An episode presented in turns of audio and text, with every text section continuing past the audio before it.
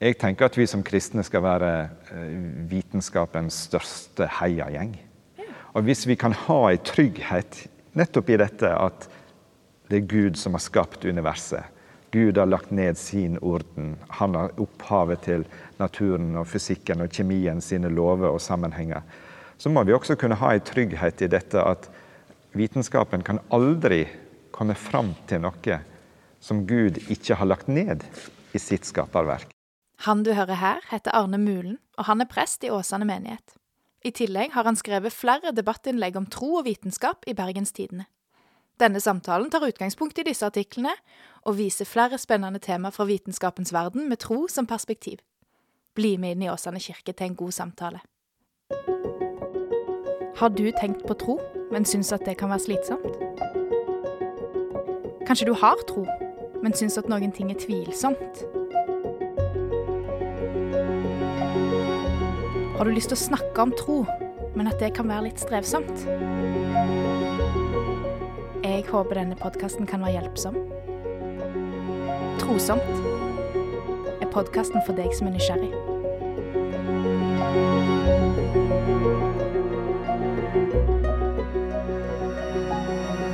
Velkommen, Arne. Takk. Så kjekt at du vil være med. Ja, dette er moro. Ja, Kan ikke du ta oss og fortelle litt om deg sjøl? Ok, jeg heter Arne Mulen. Jeg eh, kommer fra Førde i Sunnfjord. Jeg, har, jeg er prest, studerte teologi i Stavanger eh, med tanke på å eh, gjøre tjeneste som misjonær. Og jeg har hatt åtte år som misjonær og prest i Frankrike. Jobba som pastor i ei luthersk kirke i østkanten av Paris. Og så kom jeg tilbake til Norge og har vært prest i Den norske kirka i Norge i snart 20 år etterpå. Jøss. Yes. Og du er her for å snakke om eh, tro og vitenskap. Ja. ja. Hvordan kommer man på å skrive om eh, mennesket liksom, i den brytningen mellom tro og vitenskap? Hvorfor er det viktig? For meg var det sånn at når jeg var ung, så var jeg egentlig veldig tiltrukket av eh, realfag og vitenskap. Og veldig fascinert av alt dette som vi kunne vite. Jeg syns det kjekkeste fagene på skolen var faktisk de fagene der jeg kunne eh, sette to streker under svaret. Mm. Det, var så, det var så trygt og godt og sikkert, og du kunne liksom slå fast at sånn var det. Her er ikke noe mer å lure på eller diskutere. Eh, dette er sikker kunnskap. Og så etter hvert opp gjennom ungdomstida mi så, så, ble jeg også ganske engasjert i kristne miljø. Og um, jeg reiste en del på leir og sånt. Og, og dette med trua mi ble også en veldig viktig del av livet. Så jeg, jeg måtte faktisk, i, når jeg gikk på videregående og på slutten av videregående, gjøre et litt sånn viktig valg. Skulle jeg bruke livet mitt på det som jeg kunne være helt sikker på? Mm. Eller skulle jeg bruke livet mitt på det som jeg trodde på? Og da ble det til slutt sånn at mitt livsvalg sånn yrkesmessig eh, ble å fordype meg i det som jeg trodde på. Men dette som har med vitenskap og sånn, eh, den, den interessen kom litt tilbake nå de siste åra. Og det har liksom blitt en hobby for meg å prøve å trenge litt inn i, prøve å, å ha en forståelse iallfall av um, hva er det vitenskapen baler med?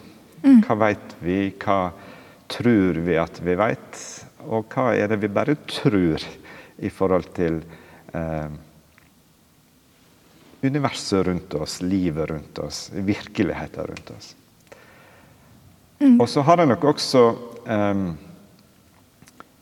blitt litt eh, lei av denne forestillinga om at trua står i, i veien for vitenskapen. Mm.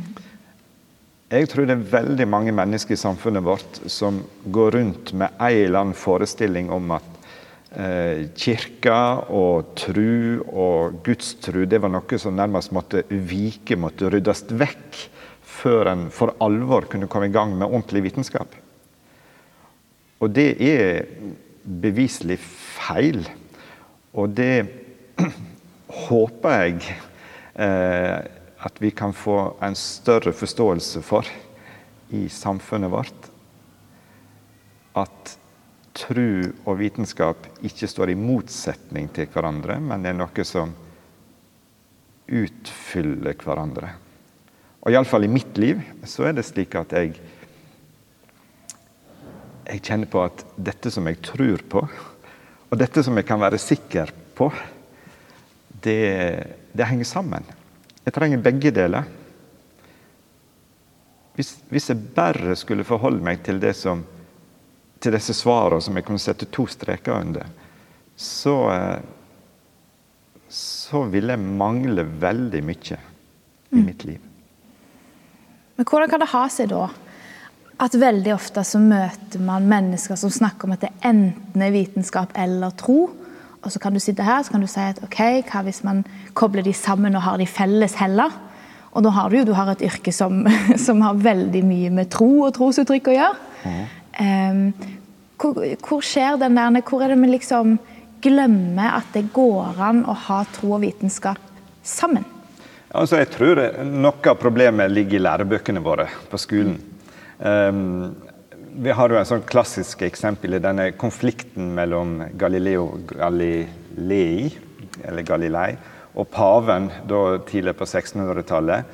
Og, og, dette spørsmålet om er det, er det jorda som er sentrum i universet, og at eh, sola og planetene går rundt jorda, eller kunne det være sånn at det er sola som på en måte er i sentrum, og at jorda går rundt sola, og de andre planetene går rundt sola.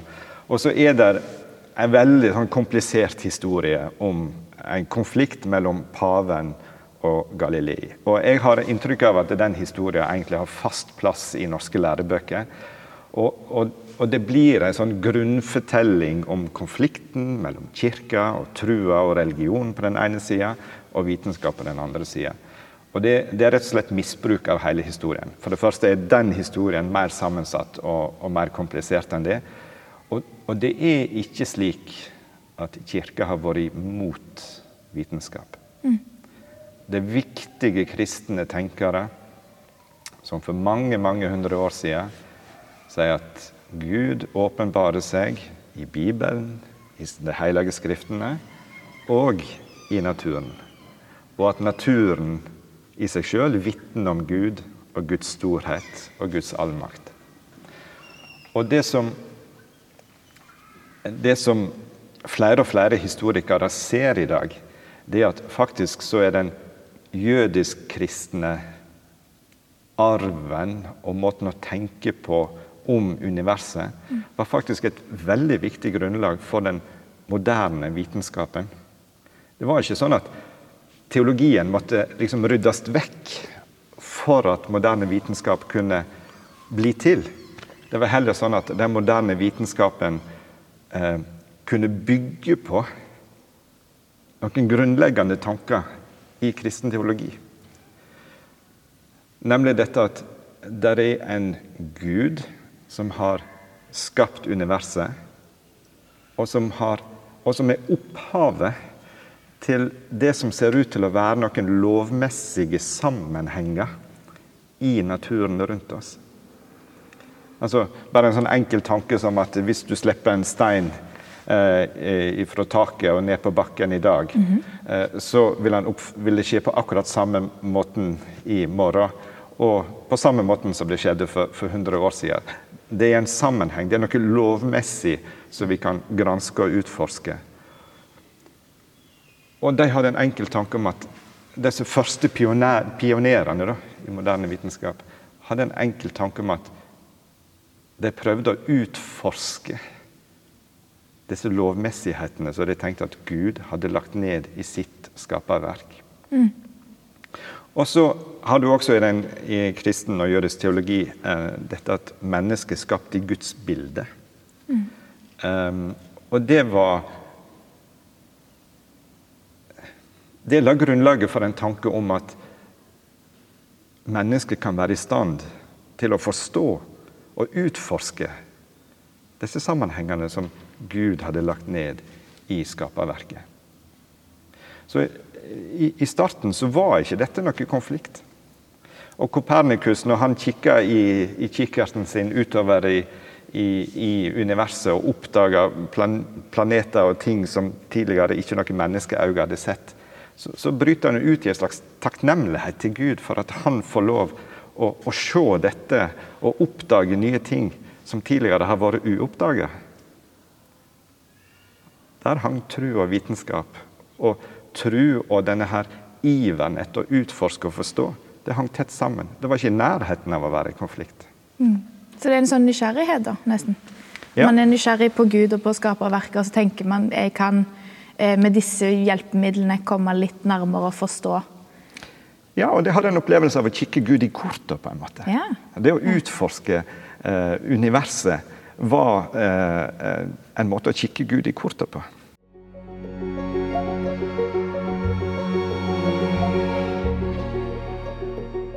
Men hvordan forsvinner dette, når vi da finner ut av ting som vi syns er spennende om både planeter og stjerner, og ting som er langt vekke og ting som er mye nærmere?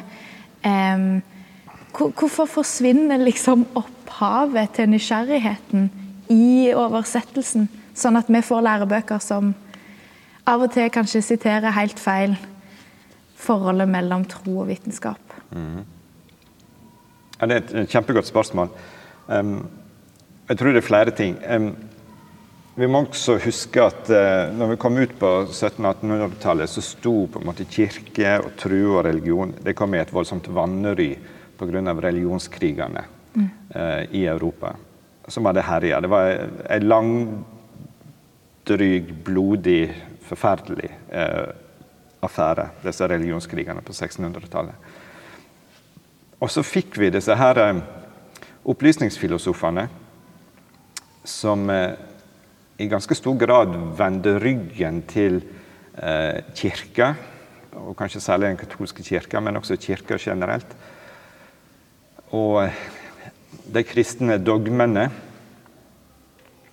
og de hadde en litt sånn radikal forståelse av at vi skulle legge dette som hadde med tro og religion til side, og så bare prøve å holde oss til den menneskelige fornuft og forstand, og, og, det vi etter hvert kunne klare å forstå gjennom systematisk vitenskapelig arbeid. Og får et, du får et nytt verdensbilde der Gud i større og større grad blir parkert ut på sidelinja, og, du, og vi får dette som vi kaller et materialistisk verdensbilde, der en tenker at alt som fins, er kun materie, altså stoffet, ting, det som vi ser og kan ta på rundt oss, og eh, energi. Mm. Eh, og, og, ikke noe annet. Det er alt som fins. Og eh, de lovene og de sammenhengene som da gjelder for dette, det er det vi, det vi skal eh, forholde oss til. Og eh, tanken om at det finnes en skapelse, f.eks., blir jo da etter hvert eh, passé. Mm. Altså det, det, blir sett på som noe gammelt bibelsk, mytologisk greie som er, som er, helt irrelevant, fordi en var helt sikker på at universet hadde alltid vært. Mm. Eh, det var evig, i alle fall i tid. Hadde alltid vært og kom alltid til å være. En var litt usikker på om, om universet var evig eller uendelig i rom. Mm. Eh, fordi da hadde en en tanke om at hvis det fantes stjerner i hele universet, så skulle vi egentlig sett lys overalt. Det skulle vært som en lysende vegg, men det er det ikke. Uh, så det, der, der, var det litt usikre. Men at uh, universet var evig i tid, det var han helt sikker på. Men der får du jo et skifte uh, på 1900-tallet. det er i det hele tatt flere oppdagelser som blir gjort på 1900-tallet, som, som, utfordrer da denne, dette verdensbildet som kom med opplysningstida og opplysningsfilosofene. Og um, noe av det, Den første oppdagelsen som da blir veldig radikal, det er at en oppdager at universet utvider seg. Mm. At det er ikke noe som bare står stille, men, men, det beveger seg utover. Avstanden mellom stjernene blir større og større. og større. Uh, og, og, det i seg sjøl er ikke så konsekvensrikt, men det blir veldig konsekvensrikt hvis du da tenker deg at du skrur klokka tilbake. Mm. For til lenger bakover i tida du da går, så blir universet mindre og mindre. Og hvis du går, da går tilbake til begynnelsen, så kommer du til slutt til et punkt der universet faktisk blir ubegripelig lite. Uh, og En av de første som lanserte en sånn tanke, det var en, det var en belgisk prest, teolog, som heter Georges Lemaitre. Uh, som lanserte en sånn hypotese om at kanskje universet rett og slett hadde startet et bitte, bitte lite punkt, og så er liksom blitt til i en sånn gigantisk eksplosjon. Og det var jo en teori som i første omgang møtte masse motstand. Mm. Også Albert Einstein sa at dette er bare tull. Dette er en tanke som er inspirert av uh, kristen teologi og mytologi, og helt ubegrunna i, i, naturen og fysikken sine lover. Og dette er Big Bang? Ja, nå snakker vi om Big Bang. Ja. Uh, og uh, Albert Einstein sa jo senere at det var hans største feil mm. i sin vitenskapelige karriere å være så rask med å avvise teorien om, om Big Bang. Men, men etter hvert da, så blir det flere og flere funn i, i den kosmologiske forskninga som på en måte bekrefter den tanken. Og, og, det blir etter hvert en teori som får så godt som allmenn oppslutning. At universet vårt har en gang vært ubegripelig mye masse og energi samla i et ubegripelig lite punkt. Mm. Og så har dette gjennom en slags eksplosjon blitt til det universet som vi, som vi kjenner i dag. Vi er ca. 14 milliarder år siden.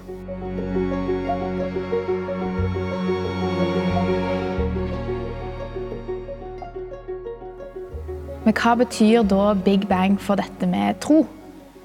Ja, for Det som er interessant, da, det er at universet vårt eh, har gått ifra det å ikke være til, til det å være til.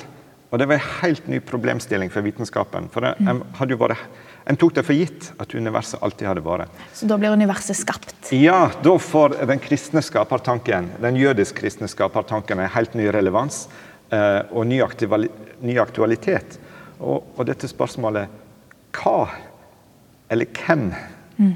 utløste denne første store eksplosjonen, mm. Big Bang? Og jeg syns det er interessant at um, f.eks. en astrofysiker som heter Ben Hoyle På, på 1950-tallet så var han en veldig tydelig ateist og sa at religion er bare noe som svake mennesker har dikta opp for å ha litt trøst og hjelp i en vond og vanskelig mm. verden. Uh, og etter et langt liv som, uh, som forsker og vitenskapsmann, så uh, modererer han seg ganske kraftig. og for han ble det en konklusjon han litt sånn motvillig måtte ta inn over seg. At i lys av det vi i dag vet om fysikk, om kosmologi, om biologi, om livet sin kompleksitet og sånn, så, så ble det veldig tydelig for han at et eller annet slags superintellekt må ha tukla med universet vårt slik som vi kjenner det. Og han går så langt som han sier at It's a conclusion almost beyond question. Ja. For han var det en sånn konklusjon som var så opplagt, så innlysende, at han kunne nesten ikke forstå at seriøse vitenskapsfolk kunne tvile på det. Mm. Det, var, det, var, intellektuelt umulig for han å tenke at alt dette som vi nå ser av sammenhenger, mm. kan bli til av seg sjøl kun ved tilfeldigheter. Så skal det sies at Fred Hoyle eh, var kontroversiell, og han elsker å være kontroversiell. um, og si interessante ting som ble lagt merke til, men, men dette er nok veldig ekte og genuint eh, for han. Mm. Og, en interessant konklusjon etter et langt liv innenfor vitenskapen. Mm. Ok, så da blir jo Big Bang et argument for en skapelse og en skaper på et vis. At man eh, det har vært ingenting, og så blir det noe. Ja, det åpner opp eh, den muligheten, tanken om en skapelse, på en helt ny måte, som, som en trodde vitenskapen da tidligere hadde avvist. Ja, men da vil jeg spole litt fram, og så vil jeg snakke om liv og, og materie, og, og, hvordan det der henger sammen. Ja, så liv i seg sjøl er jo også et, eh, kolossalt stort mysterium. Um, det er ikke så lett å sette opp en formel og si at dette er definisjonen på liv. Mm. Uh, når vi leser litteratur om liv, så er det en sånn seks-sju kriterium som er en litt sånn sjekkliste som man liksom må krysse av på for å kunne si om dette skal regnes som liv eller ikke. Og det, det ender jo opp i noen eh, store debatter, det også. F.eks. virus. Mm -hmm. Der kan du ikke sjekke, krysse av på alle disse punktene. Og så er det spørsmål er virus liv, eh, eller er det det ikke? Er det på en måte bare en litt sånn avansert form for eh, kjemi som eh, hekter seg på levende organismer og, og formeire seg på den måten? Ja. Men eh, som jeg sa, livet er et kolossalt mysterium, ikke minst opphavet. Mm. Altså den første levende cella det er, det er, fortsatt et veldig stort mysterium. Vi har en svært mangelfull forståing av eh, hvordan den ble til. Mm. Enten det nå er i en eller annen sånn varm uh, ursuppe på jordas overflate, som mm. uh, var en tanke som Darwin uh, lufta, eller om livet ble til på havbunnen i, i nærheten av sånne varme kilder på havbunnen. Som kanskje er den eh, hotteste eh, teorien i mm. dag. Mm. Um, så, og, og, Jeg sier ikke det for å latterliggjøre, så jeg tenker at det, det, det, er veldig spennende eh, teorier å jobbe videre med. Men, men, det er denne overgangen fra noe som kun bare var kjemi, fysikk og kjemi, til dette at du har ei enhet som fungerer som ei celle. Mm. For det er mye fintuning som skal til for ja, å få til liv? Og... Det er enormt. Og, og, og eh, vi, vi, vi, forstår ikke den overgangen i dag. Vi, vi har ikke kunnskap om, om, hvordan dette eh, kunne skje. Og eh, også litteratur som skriver om dette egentlig litt sånn i motsetning til, til tanken om at det skulle finnes en skaper, så, så finner du ord som, som nesten mirakuløst. ja. i, I forhold til kompleksiteten i det som må ha blitt til for at vi skal kunne kalle det liv. Mm. Hm. Så har en en langt bedre forståelse så langt jeg kan forstå, om hvordan livet har utvikla seg mm. eh, gjennom Darwin sine teorier. Nå foregår det diskusjoner innenfor fagfeltet knytta til det òg, og, og, jeg har ikke forutsetninger for å mene noe om det. Men, men jeg tenker at en har en eh, En har i utgangspunktet en brukbar forståelse av hvordan livet har utvikla seg her på jorda. Og så får eh, vitenskapen arbeide videre med om, om den forståelsen er, er, fullkommen eller ufullkommen. Men vi har, eh, vi har en grunnleggende forståelse av hvordan livet har utvikla seg her på jorda. Det er ikke et like stort mysterium. Mm. Bare for å trekke inn eh, den, eh, dette med de skapelsesberetningene som står i Bibelen, f.eks. Mm. Hvordan skal man uh, se på de? I uh, lys av det vi nettopp har snakka om. Hva plass får de? Hvordan, hvordan skal vi best nytte de som nettopp det? Å være en sånn forståelse eller en, en skildring av skapelsen, da. Ja. Eh, jeg tenker at det er ganske kort vei til misbruk av de bibeltekstene. Mm. Jeg har store pro problem med, med, dette og at noen tillater seg å, å, lese skapingsberetningene i Bibelen, og så gå derifra til å si at vitenskapen tar feil. Ja. Det, det, foregikk ikke sånn som, eh, som, vitenskapen sier. En tror heller at uh, jorda er kanskje bare 6000 år gammel, eller noe sånt. Mm. Uh, det der vil jeg kalle misbruk av Bibelen, ja. misbruk av teologi, og ringeakt for vitenskapen. Mm. Jeg tenker at vi som kristne skal være eh, vitenskapens største heiagjeng. Ja. Og hvis vi kan ha en trygghet nettopp i dette at det er Gud som har skapt universet, Gud har lagt ned sin orden. Han har opphavet til naturen og fysikken og kjemien sine lover og sammenhenger. Så må vi også kunne ha en trygghet i dette at vitenskapen kan aldri komme fram til noe som Gud ikke har lagt ned i sitt skaperverk. Nei. Jeg har lyst til vi skal vende tilbake til, den, til, til det som var tanken hos eh, pionerene i den moderne vitenskapen. at Vitenskap handler egentlig om å se Gud i korta. Ja. Prøve å finne ut mer av, av det som Gud har lagt ned i sitt skaperverk. Og hvis vi kan ha en trygghet i det, så har vi ingenting å frykte. Eh, vi skal ikke se på vitenskapen som en trussel mot verken kirke eller gudstro eller teologi eller noe sånt. Det, det er litt kjært for meg. Ja.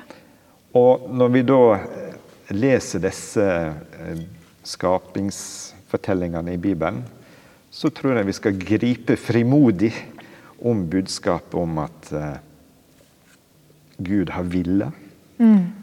Gud har skapt. Gud så at det var godt. At, det, det, at dette som er skapt, det har verdi og en mening, og det er en tanke bak. For det er jo også en ting at dersom vi tar Gud ut av likninga, og liksom kun skal forholde oss til eh, fysikk og kjemi og biologi, så, så fins det jo ingen, ikke noe mening i det. Alt er tilfeldigheter. Det er bare ting som skjer. og Tilfeldigvis så skjedde det at det ble noe som heter liv. og Tilfeldigvis så har det utvikla seg på en sånn måte at vi sitter her og grubler over sammenhengene i tilværelsen. Men spørsmålet om noe mening i det faller jo bort hvis det ikke var en Gud som skapte, og som ville, og som også ville at jeg og du skulle bli til og sitte her. Og Jeg kjenner også at det er et veldig viktig budskap i skapingsfortellingene, dette at vi som mennesker er skapt i Guds bilde. At Gud veit om hver enkelt av oss og har på en måte satt sitt stempel på hver eneste en av oss, og at det gir um, hvert eneste menneske en, en verdi som ingen kan ta ifra deg. Det er viktig. Og det kan ikke vitenskapen si. Vitenskapen kan ikke fortelle noe om at mennesket er verdifullt eller viktig. Det er i tilfelle noe som en nærmest bare må bli enige om i samtale, og kanskje prøve å slå fast i lovverk og sånne ting. Men vitenskapen kan overhodet ikke slå fast noe om at eh, dyr har verdi, eller at vi mennesker har verdi.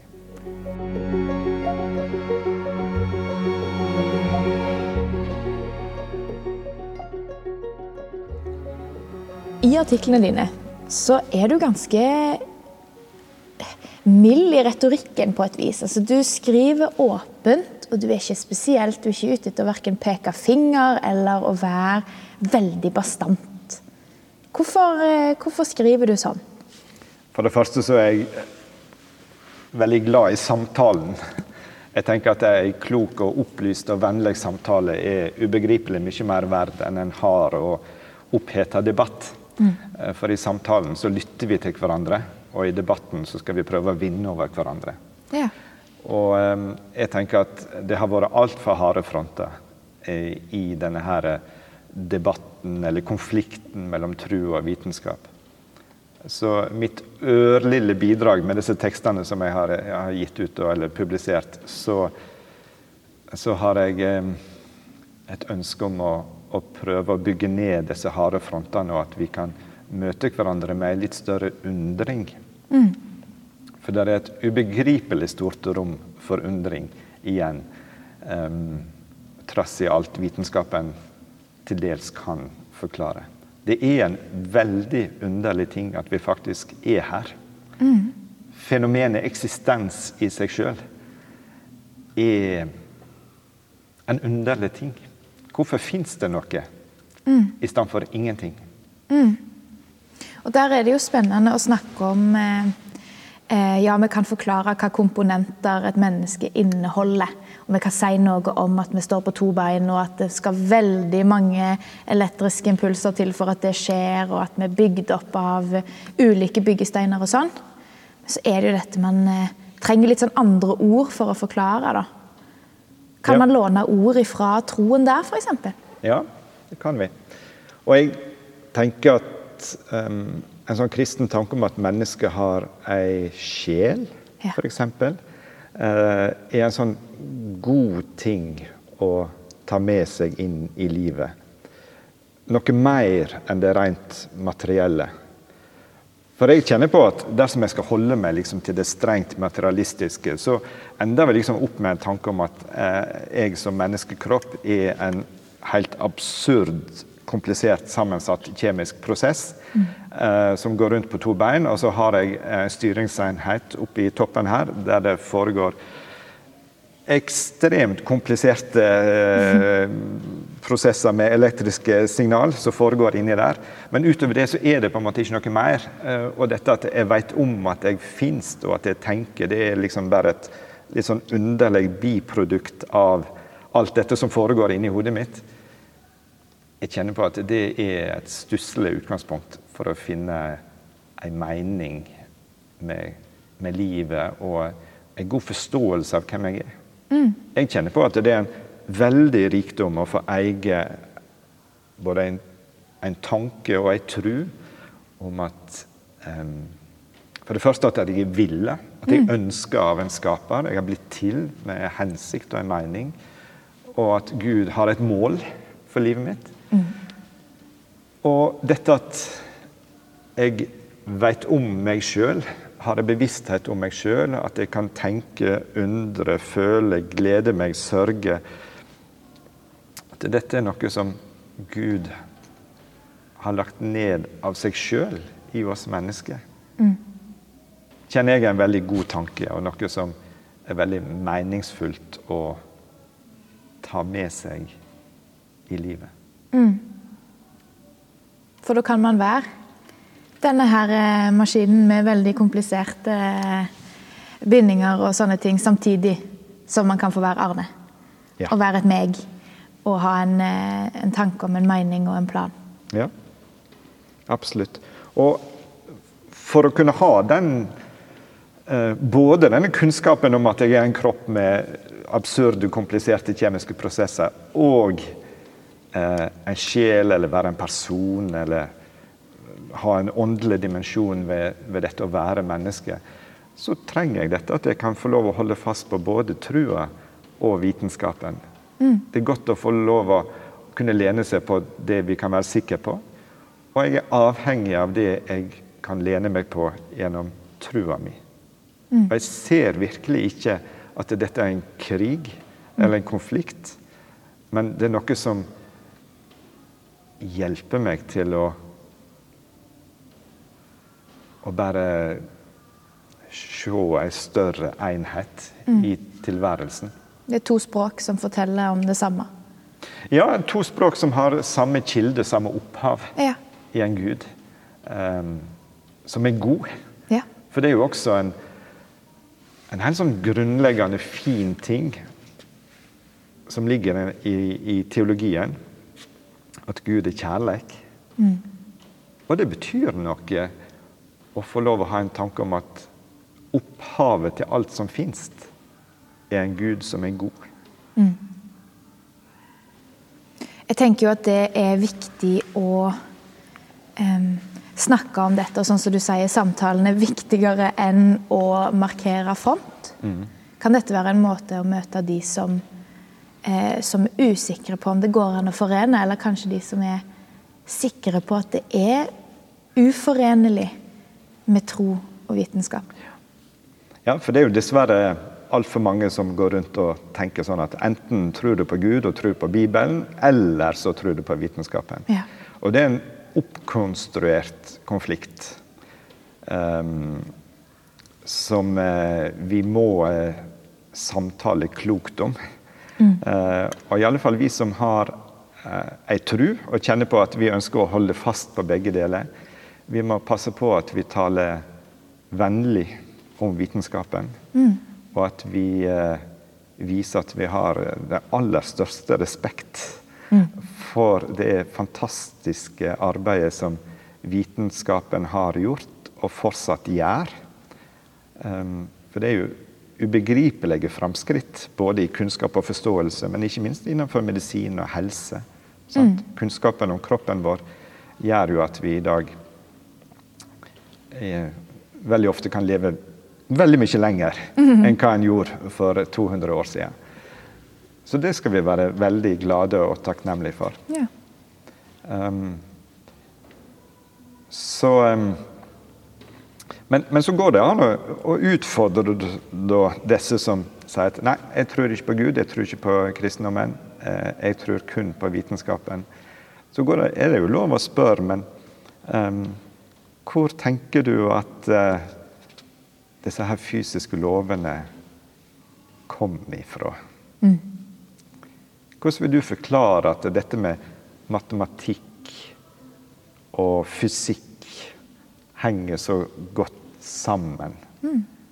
Det er jo én ting som vitenskapen undrer seg over, at matematikken ser ut til å være et språk mm. som, som naturen snakker. Hvordan henger det sammen? Um, hvordan vil du forklare dette at det, det finnes noe? Hva er eksistens? Mm. Det er på en måte ateismens første store problem, det fenomenet eksistens. Som de sier på engelsk Why is there something instead of nothing? Mm.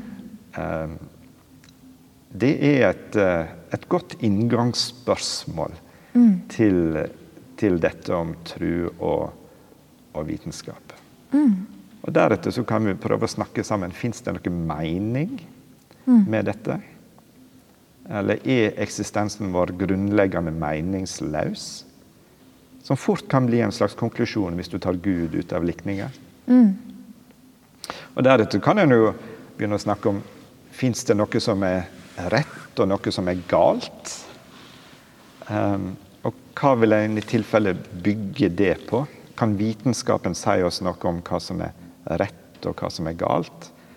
Og så vil en tror jeg i mange tilfeller svare nei på det. Ehm, og så det, kan vi være sikre på at det faktisk fins noe som er rett og galt. Mm. Hvis ikke det er en Gud som i utgangspunktet har lagt ned noe av sin, sine tanker, sine verdier, sine lover, om du vil, også i, i, i menneskesinnet og i skaperverket.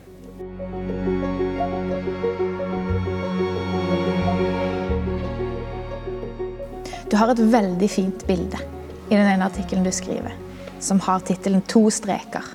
Ja. For der snakker du om, og det blir jo helt tilbake igjen til der vi begynner Du mm. sier at du opplever at du må ta et valg. Mm. Da er du ganske ung. Ja. ja. Da går det på videregående. Da går det på videregående. Så du, dette, dette, valget oppleves som noe det blir litt enten-eller. Mm. Og så blir det da eh, ikke nødvendigvis den sida med to streker under svaret men du tar de to strekene, og så lager du til, til et kors istedenfor. Ja. Korset er jo på en måte et sentrum i den kristne trua og kristen teologi. Og um, jeg er ikke så forferdelig opptatt av å ha svar på alle spørsmål lenger. Jeg sier noe om at egentlig så er det viktigere for meg å få lov å leve og tro og håpe og elske og være i alt dette som menneskelivet byr på både gir oss og, og krever av oss. Og kjenne på at det, det, er veldig meningsfullt. Og så vil det være uendelig med spørsmål som er, er, er vanskelig å finne svar på. Mm. Men, men, jeg har på en måte funnet et nytt ankerfeste i livet i to streker, men nå former jeg dem som et kors mm. istedenfor uh, som to streker under et svar. Eh, I Kristus som dør på korset. Det er en eh, stor tanke, dette at den allmektige Gud, som har skapt alt, som er god, eh, mm. trer inn i skaperverket eh, i, i, denne skikkelsen Jesus fra Nasaret. Eh, og dør på et kors, går inn i lidelse, død og fornedring. Og vi har en tanke om at alt dette som er vondt, alt dette som vi gjør feil, alt dette som vi kaller for synd, som vi ikke har snakket om til nå, mm. Eh, det, er, det, er, noe som finnes i ja, Om vi skal våge å bruke ordet svar da, mm. der, når, når, Jesus dør på, på, korset. Det er en stor ting for meg at Gud ikke avviser oss mennesker midt i alt som er vondt og vrangt og vanskelig og feil, men kommer til oss eh, og tar det på seg. Og eh, lir og dør for oss, som en soning, som en gjenopprettelse. Eh, og jeg kjenner på at det er der jeg kan gå med mine nederlag. Og det er der jeg kan gå med, med alle spørsmål og, og, ting som ikke går opp. Mm. Og så blir det på en måte sånn, et nytt ankerfeste for, for, livet og min forståelse av hvem jeg er, og hvem Gud er, og hva godhet er, hva kjærlighet er. Mm. Dette å ville legge ned av sitt eget, gi av seg sjøl for andre. Mm. Som en sånn kjerneting i, i nestekjærligheten. Mm. Det er jo ofte sånn med, med, sånne interesser som du her, som jeg får lov å dykke litt inn i sammen med deg nå, at de er litt sånn utømmelige. Hvor er du hen nå? Hva er det som opptar deg akkurat nå, liksom? Ja, Det som jeg nok kjenner på at jeg har lyst til å grave mer i, det er faktisk denne forståelsen av hva er liv. Og hvordan blei liv til? Jeg, det irriterer meg på en måte at folk ofte ikke har forståelsen av hvor ekstremt usannsynlig det var at dette som heter liv, skulle oppstå. Mm. Det var i utgangspunktet på grensa til umulig. Altså, Hvis noen hadde gått rundt her på jorda for fire milliarder år siden mm. og sagt at her skal det en gang være skoger og gress og fugler mm. og fisker og, og, og, mennesker og sånn, og det bare skal skje helt av seg sjøl, mm. så ville jo sjansen for det være så tilnærma uendelig liten at ja. Enhver oppegående vitenskapsmann ville sagt nei, det skjer ikke. Mm. Mm. Men nå sitter vi her med fasiten. Det har skjedd. det ble sånn. det har skjedd, og det, det er en underlig ting. Men, men, jeg tror veldig mange mennesker har ikke det minste begrepet om hvor ekstremt usannsynlig det var at det skulle skje. Ja. Um, og, og, vi går ifra en jordklode der det kun var fysikk og kjemi. Ja. Men der det ikke fantes rett eller galt. Der det ikke var mening. Det var ingen som prøvde på noe. Mm. Ingenting som lykkes, ingenting som mislykkes. Det var bare ting skjedde. Et sandkorn blåste av gårde med vinden. Mm. En regndråpe dala ned fra himmelen. og Når det var varmt, så steg dampen opp, og skyene sklei over himmelen. Og så, og så var jordoverflata annerledes da, eh, for fire milliarder år siden. Men, men eh, la nå det være. Men så har du fått dette som eh, heter liv. Der alt handler om noe. Mm. Der, er, der er nesten ikke et molekyl som er liksom inni en levende organisme, som, som, ikke er satt inn i en sammenheng. Mm. Der en prøver på noe, en har et oppdrag, en skal passe på, en skal mm. forsvare, en skal regulere. en skal mm. En skal passe på at energiutvekslinga går som den skal, og en skal prøve å passe på at ikke fremmede bakterier og, og virus kommer inn. Alt, så å si absolutt alt som skjer i en levende organisme, handler om et eller annet. Mm. Og hvordan kunne vi gå ifra dette at ingenting handler om noe, mm. til dette at alt nærmest er oppslukt av dette som heter liv? Der alt plutselig har fått mening og et oppdrag. Mm. Det er en rar ting. Apropos liv. Eh, hva hvis det er liv andre steder enn på vår planet? Hva skjer med Gud i en sånn sammenheng? Ja, da vil jeg vende tilbake til den, denne litt sånn grunnleggende trygge tanken at vitenskapen kan aldri finne noe som Gud ikke har lagt ned i sitt skaperverk. Så dersom vi en dag skulle oppdage at det finnes liv eller former for liv, eller noe som kan minne om liv i andre solsystem, på andre planeter, OK, så har Gud valgt å la det skje. Mm. Jeg kjenner på at det gjør ikke Gud mindre, men det forandrer vårt verdensbilde. Mm. Akkurat som det å, oppdage at jorda faktisk var en rund planet, forandra vårt verdensbilde. Absolutt. Eller akkurat som at vi forsto at ok, det er ikke jorda som er sentrum, men det er jorda som går i bane rundt sola. Det forandrer vårt verdensbilde. Um, oppdagelse av livsformer andre plasser i universet, det vil forandre vårt verdensbilde. Mm, men ikke nødvendigvis vårt syn på Gud som skaper. Nei.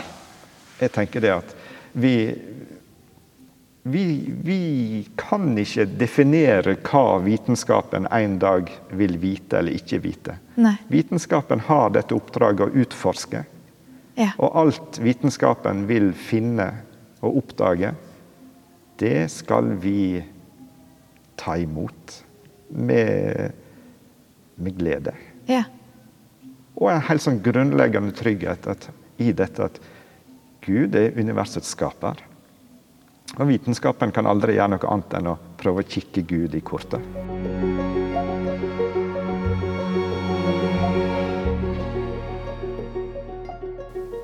Så har vi snakket om at Gud er en skaper, eller i hvert fall kan være en eh, Altså at det må være en skaper. Eh, og så har vi snakket om at Gud er den skaperen. Men hvem har da skapt Gud? Ja, Det er et eh, sånn motspørsmål til tanken om en gud som ofte blir stilt. Um, at eh, En sier at ok, men hvis du snakker om at Gud har skapt universet, som en forklaring på universet, så har du egentlig bare flytta problemet et hakk lenger bak.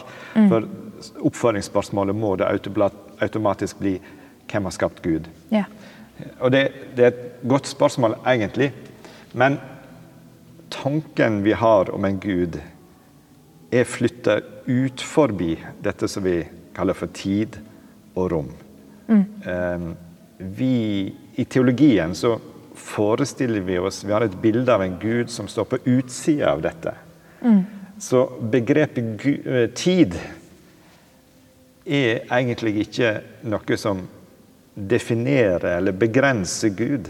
Når vi snakker om evig, så er det et begrep som står på utsida av konseptet tid. Jeg finner mening i en sånn bibeltekst i andre Mosebok, der Gud åpenbarer seg for Moses i en, i en brennende busk. Og I denne fortellinga er det når Moses spør hvem er du, Gud, så svarer, eh, svarer da denne stemma 'Jeg er'. Og det tenker jeg er liksom den mest grunnleggende tanken om Gud. Han er den som er. Han er opphavet til all eksistens, også tid og rom og materie. Og da blir eh, Da har vi på en måte utdefinert tanken om et opphav eller en begynnelse for Gud. Dette, dette er store tanker, men vi, vi kan ikke klare å definere Gud, for idet vi definerer Gud, så har vi begrensa han. Og det er en tanke i kristen teologi at Gud lar seg ikke fange i våre tanker og i våre ord og i våre bilder. Han vil alltid være større enn det enn, og mer enn det.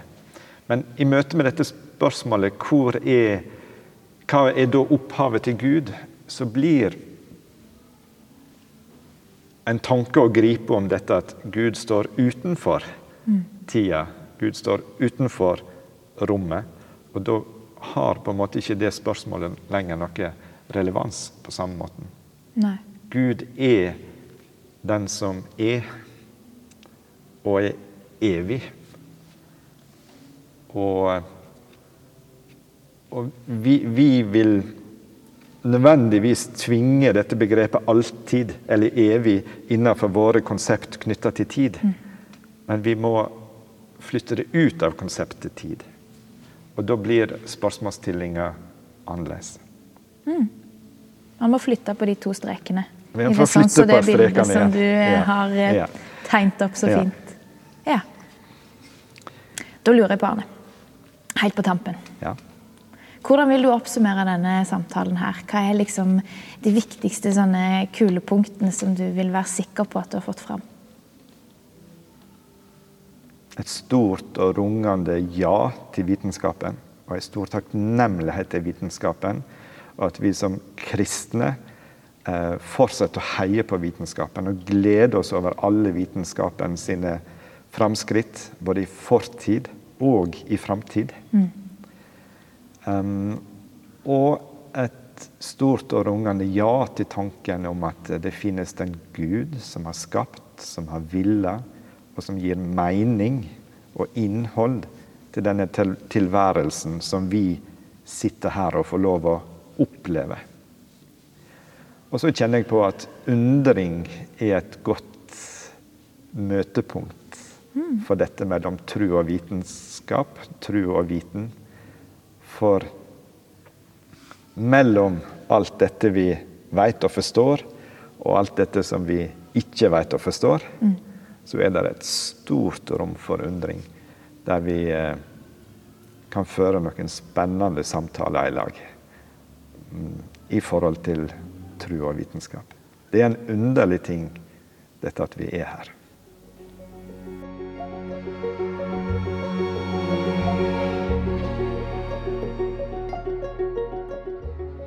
Tusen takk for at du hørte på denne podkasten. Hvis du likte det du hørte, og er nysgjerrig på fortsettelsen, så ønsker jeg at du følger oss på din favorittpodkast-strømmeleverandør. Og så håper jeg vi høres igjen.